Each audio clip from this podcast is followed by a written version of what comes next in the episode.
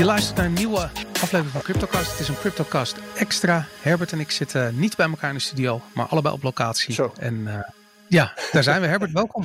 Ja, jij ook. En uh, uh, leuk dat we dit uh, toch maar eens een keertje proberen. Ik moet eventjes uh, me ook over je hoofd heen tot de luisteraars richten. Wij, wij, veel mensen hebben zich afgevraagd waarom wij niet gewoon CryptoCast gingen maken met onze laptops voor onze neus en een headset op. Wat, precies wat we nu doen. Ja. En nou ja, dat hebben we één keer geprobeerd met jou via een app die Lucie heet uh, bij BNR. En dat klonk allemaal verschrikkelijk.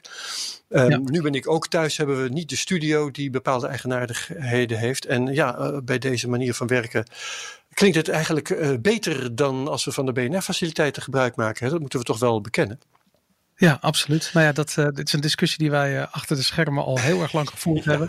En uh, nu, nu hebben we het gewoon maar geprobeerd. En dit, dit, dit, dit lijkt goed te gaan, dus dat is goed nieuws. Ja, dus laten we het over bitcoin gaan hebben. Want daar is natuurlijk het yes. nodige bij gebeurd. Nou, Madelon is er dus niet, helaas. Um, dat is vervelend. we zouden een podcast gaan doen over de, de gigantische um, aankoop die heeft plaatsgevonden. Ja. Koersprong, inderdaad. Duizend dollar in minder dan een uur.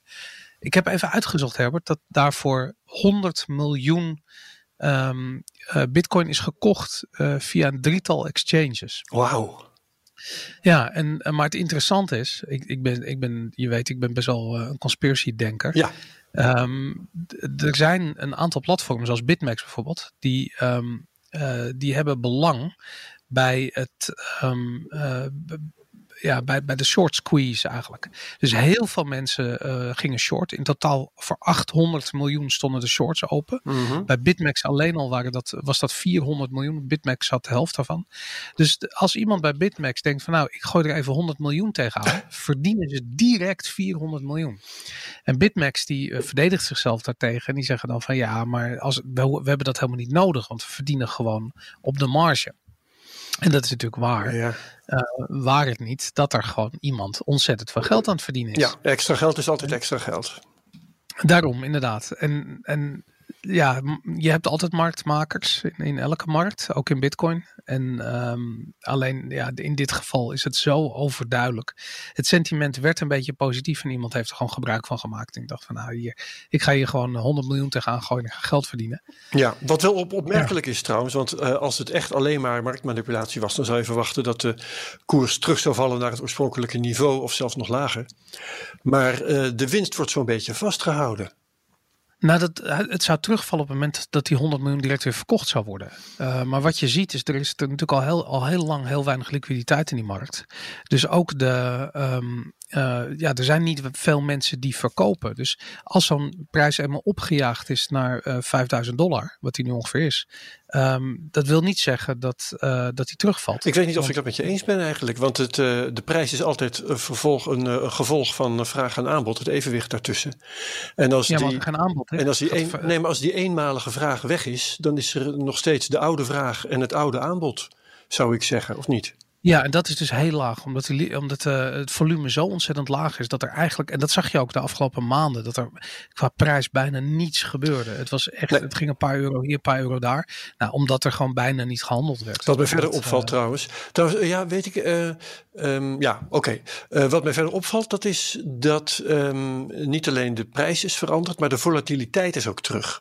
Ik heb net even zitten kijken naar een grafiek op um, Bitcoin charts, gebruik ik daarvoor. Uh, als je dan kijkt naar 10 dagen, bijvoorbeeld, 10 dagen breedte, dan zie je tot, uh, tot en met maandag zie je een grafiek die is echt zo plat als een dubbeltje. Ja. En um, na die koersprong is ook, zijn ook de candles veel en veel hoger. Dus ja. er is uh, echt wat gebeurd in de markt nu. Wat nou ja, dat, dat, dat heeft heel erg ja, dat heeft heel erg te maken met die, met die resistance van die 5000 en al die sell orders die er dan staan. Kijk, al die, dit soort trades wat je nu ziet, dat is over het algemeen gewoon helemaal geautomatiseerd.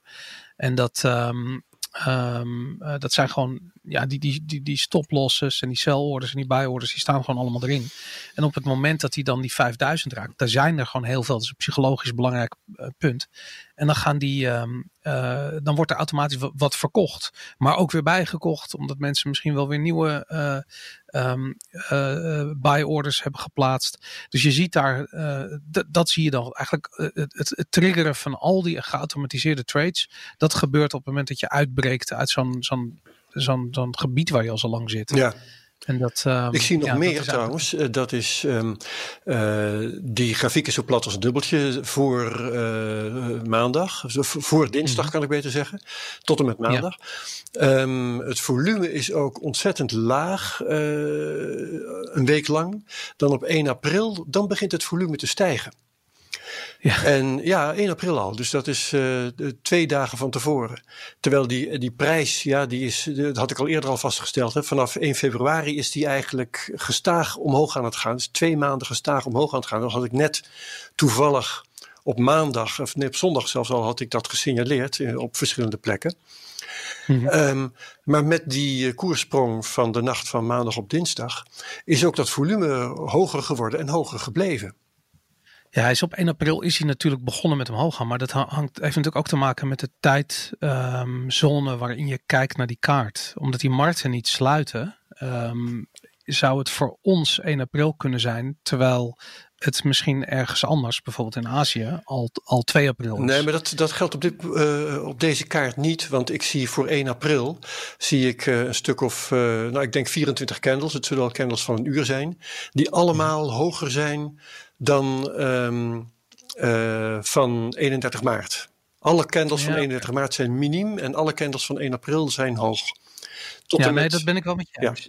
Dat, zou, dat zou te maken kunnen hebben met die, um, met die 1 april grappen. Ik weet niet of je dat hebt meegekregen. er, waren er, er waren er twee, geloof ik. Uh, eentje was dat er allemaal ETF's goedgekeurd uh, zouden zijn. Ja. Um, en dat, was, uh, dat, dat bleek natuurlijk een, een 1 april grap te zijn. Er was er nog eentje. Ik ben, ben die andere even vergeten. Maar er waren twee van dit soort, soort absurde Ja, die ETF's die heb ik ook gezien. Die heb jij rondgestuurd. Ja, inderdaad. Nou goed, er, er was er nog eentje. Het was minstens net zo absurd. Maar dat, uh, het zou kunnen zijn dat mensen daar uh, ingetrapt zijn. En die zijn, uh, ja, hebben misschien wat gekocht. Je weet het niet. Maar ik, ik, ik wil die duizend dollar candle. Dat is niet een, dat is geen 1 april grap. dat is echt een, nee. daar is gewoon iemand 100 miljoen in aan het investeren geweest. Ja, ja, ja. Nou goed, en, en ik had dus eigenlijk al gecalld dat volgens mij er een, er een structurele stijging begonnen was. En dat was uh, niet alleen omdat, uh, omdat de, de koers een tijdje bezig was te stijgen. ja, of ook weer wel, want twee maanden een blijvende stijging, dat hebben we heel lang niet gezien hoor. Dat kan ik echt gewoon uh, tot, wat is het, januari vorig jaar, kan ik dat niet terugvinden. Ja. Twee maanden gestage stijging. En ik zag, ik zag um, uh, het, het, patroon ook terug dat ik me herinnerde van 2016 en 2017. Dat het gewoon, dat je denkt van oké, okay, vandaag ging het omlaag, maar morgen gaat het wel weer omhoog. Dat, op een gegeven moment krijg je, krijg je dat gevoel, weet je wel. En dat gevoel dat had ik gekregen. En daarom ben ik ja. in de pen geklommen en uh, ben ik gaan signaleren, jongens. Het, de, volgens mij ziet het er anders uit dan, de, dan het er de laatste tijd uitgezien heeft. Ja. En uh, ja, dat, dat gevoel dat hou ik voorlopig. Nee, dat, ik, ik ben het met je eens. Los van eigenlijk nog voordat deze uh, ja, gigantische rally uh, plaatsvond, was er inderdaad al een, een, ja, er hing wat positiefs in de lucht. En, en ik zie dat de hele tijd, en met name rondom Bitcoin hoor. Dan zie je van het Lightning-netwerk gaat door een, een, kritische grens heen. Meer dan duizend Bitcoin zitten nu in een Lightning-netwerk. Ja. Transacties werken, werken beter. De adoptie. Ik zag dat uh, 50% van alle Bitcoin-transacties zijn nu SegWit-transacties. Um, nou goed, en, en allerlei soorten. Um, er wordt gewoon ontzettend gebouwd aan de techniek. Ja. Je, ziet het, je ziet het met de adoptie en het, het allerbelangrijkste. En dat is iets wat echt van de laatste twee maanden zo is. Op het moment dat er slecht nieuws is, ging die prijs niet verder naar beneden. En dat is echt een bodemindicator. Ja, ja, ja. ik ben trouwens ja. in één opzicht niet met jou eens. Want jij zei gisteren ook al, de alts doen helemaal niet mee. Nou, gisteren waren de, de stijgingen van de alts ongeveer de helft van de stijging van de bitcoin. Maar dus toch wel stijging. En vandaag is het andersom. Hè? De bitcoin gaat nog een procentje of vijf omhoog. Maar uh, wat is het? Ether 10%, Litecoin 20%, Bitcoin Cash 40%. Dus die maken het meteen goed. Nou ja, kijk, wat je daar ook hebt natuurlijk, en het is ook zo, het, het, het, volgt er een beetje. Ik vind het jammer als, als Bitcoin maximalist, omdat ik gewoon zoiets heb van ja, het wordt de hoogste tijd dat die dingen losgekoppeld worden van elkaar. Uh, maar wat je ziet, en ik, oh, dat zie je ook als je veel YouTube-video's kijkt of, of analyses van mensen leest. Mensen kijken alleen maar naar die waarde van zo'n altcoin in dollar. En um, ja, op het moment dat uh, een bepaalde exchange een, een, koppeling heeft tussen een altcoin en bitcoin, op het moment dat de waarde van bitcoin omhoog gaat in dollars, dan gaat automatisch de waarde van die altcoins omhoog in dollars. Dus wat denken mensen? Die denken van, hé, hey, de prijs vliegt omhoog, we moeten nu instappen. Maar dat, dat zegt niks over het volume. Er wordt niet daadwerkelijk getrade. Um, dus dat effect, dat, dat, ja, weet je, dat, dat, dat is er eigenlijk. Er is al gelijk al een klein effect. En daarnaast, wat je dan ziet, is dat, uh, dat sentiment van hé, hey, die goudzoekers, we moeten er nu bovenop. Dat zie je dan wel gebeuren. En er zijn gewoon ontzettend veel mensen met veel geld die nog hele grote uh, uh, zakken met, uh, met altcoins hebben. En die moeten nog gedumpt worden. En hoe gaan ze dat doen? Dat gaan ze niet op de bodem van de markt gaan. Die gaan die, die, die prijslopen oppompen. En, um, dit is natuurlijk wel een geweldige aanmoediging aan iedereen om, uh, om uh, de negativiteit achter zich te laten en omhoog te kijken. Denk je dat ook? Of ja. Niet? Ja, kijk, uiteindelijk wel. dit gaat gebeuren. Ik bedoel, die prijsje gaat weer omhoog. Daar twijfel ik niet aan. Maar ik weet niet of dit het is. Hmm. Ik denk namelijk dat de kans best wel groot is dat we nog een keertje helemaal terugvallen. En het hangt een beetje van het sentiment af. Het is er nu wat te vroeg voor. Het zou nog een week of twee weken kunnen duren. Um, maar op een gegeven moment, als dat, dat sentiment weer positief is en mensen gaan weer long trades uh, uh, afsluiten, dan komt er wel weer iemand die, die short de hele boel en met 100 miljoen. En dan, dan zitten we weer rond die 3000. En ik denk wel dat als dat gebeurt, dan is het daarna is het ook klaar. Weet je, dan, hmm. dan, ja, kijk, wat je zag in 2017 was dat dit ook gebeurde. Alleen die, um, die pogingen om die markt te shorten of eigenlijk tegen de markt in te traden met grote bedragen, die werden gewoon opgevangen door de vraag. Ja. En dat. Um, uh, dat is nu nog kijk, even niet zo, hè? Want, uh, nee, dat, dat, is gewoon nu nog niet zo. Alle dat betekent dat, en zo, die blijven nog eventjes weg. Ja, nou ja, voordat we daar zijn, zijn we ook echt nog wel weer anderhalf jaar verder. Dus dit, dit duurt gewoon nog eventjes. En um, ja, dit is een fantastische uh, pomp geweest, maar het is niet meer dan dat. En daarom dat ik ook eigenlijk, dat, dat is een beetje mijn ding van het laatste half jaar, van het laatste jaar geweest, dat ik die prijs niet meer zo interessant vind omdat het, het zegt niks meer over het project. Het zegt niet, niks over de monetaire waarde van bitcoin. Het zegt niks over de toekomst. Het zegt niks over de techniek. Het zegt puur alleen wat over die speculatie. Ja. Um, en in deze markt is die gewoon niet zo interessant. Want het is gewoon één iemand die hier uh, um, ja, de markt naar zijn hand zet. Um, daar, daar, profiteren misschien veel mensen van. Er verliezen ook heel veel mensen heel veel geld.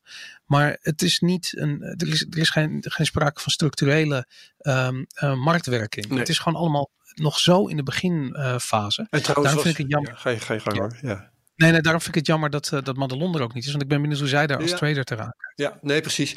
En, en uh, dat zeiden we ook uh, gisteren in onze appgroep al tegen elkaar.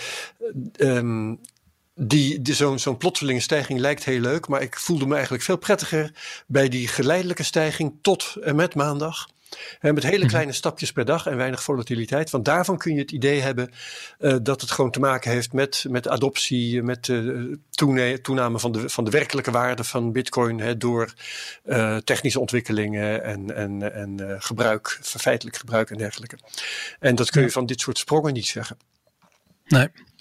Nee, dat klopt inderdaad. Dat, uh, ja, het is heel lastig om hier iets uh, qua conclusies aan te verbinden. En dat is ook het, het grappige. Kijk, ik zie heel internet ontploft op het moment dat dit gebeurt. Ja. En we gaan nu ja, weer een poging wagen om die 5000 dollar door te breken. Um, iedereen is laaiend enthousiast. En ja, ik, ik, ik, ik kan heel erg enthousiast worden van het enthousiasme van anderen. maar de, um, uh, kijk, de realiteit is dat we uh, uh, ja, anderhalf jaar bear market, meer zelfs, nu achter ons hebben. En um, ja, we gaan daar, we zijn daar niet zomaar klaar mee. Nee, dus nog geen anderhalf jaar trouwens. Het is misgegaan in december 2017, dus we zitten nu op een jaar. Ja, vier maanden inderdaad. Ja, inderdaad. Ja. Nou goed, ik, ik, ik denk dat we de rest van het jaar nog wel nodig hebben om echt weer over die 10.000 dollar heen te komen. En dat, uh, nou ja, dat, dat, dat, is al, dat is al een behoorlijk bullish voorspelling als ik jou zo hoor. Ja, maar ik, ik, ik, ben wel heel erg enthousiast over de fundamenten van Bitcoin. Ik, ik kan me wel heel erg goed voorstellen dat dit, dat dit heel erg gaat werken. De, de schaarste uh, gaat optreden. Uh, er is niet veel aanbod. Uh, grote partijen staan allemaal in de rij om mee te doen, maar stappen nog niet in om, om een of andere reden. Um, ja, dus vroeger of later ga je dat echt wel krijgen. En dan gaat het ook, het gaat weer net zo krankzinnig worden als in 2017. Ja, ja, ja. Oké. Nou, mooi. Dit was een, uh, dit, dit was een, uh, een CryptoCast extra, zullen we het zo maar noemen? ja, nou, neem me niet kwalijk. Ik kan soms uh, kan ik, mijn, mijn stem niet aan de gang krijgen. Uh, als we dit inderdaad gaan verspreiden, en zo te horen zijn we dat van plan, hè, dan ja. um, moet je ook gewoon even vertellen hoe het met jou gaat. Ja, nee, ik zit, uh, ik, zit, uh, ik zit nog altijd thuis. Ik kan, uh, ik kan niet veel doen. en helaas geen auto rijden. Dus ik kan ook niet naar de studio komen om, om een cryptocast op te nemen. Maar inmiddels heb ik, ben ik over twee gips varianten verder. en is het, laat ik zo zeggen, volgens mij over twee weken krijg ik een versie van, van gips waar ook een klein zooltje onder zit. En dan is behoort strompelen weer tot de mogelijkheden. Dus dat... Nou, dat, dat gaan we over twee weken zien. Ja, ja, ja. Nou goed, dit uh, kunnen we. Uh, en Madelon is nog op vakantie, dus in de Filipijnen. Hè. Die zit met een tijdsverschil en heeft waarschijnlijk daardoor deze uitzending gemist. Of anders door een uh, slechte internetverbinding. Um, ja. Ik heb een lichte verkoudheid, maar dat is verder geen probleem. Dus dan weet iedereen ook weer hoe het er qua personeel voor staat bij ons. Ja, en verder kunnen we dit wel beschouwen als een geslaagd experiment, vind je niet, Boris? Um, ja, ik denk het ook. Dus, ja, onze nieuwe podcast software, volgens mij werkt dit. Ik stel dus, me voor dat we dit misschien toch wat vaker gaan doen. En ja. uh, laten we kijken of we over een week of iets dergelijks uh, dit nog een keertje kunnen herhalen. En dan hopelijk met Madelon erbij. Ja, dat lijkt me hartstikke goed. Herbert, okay. dankjewel. Tot gauw.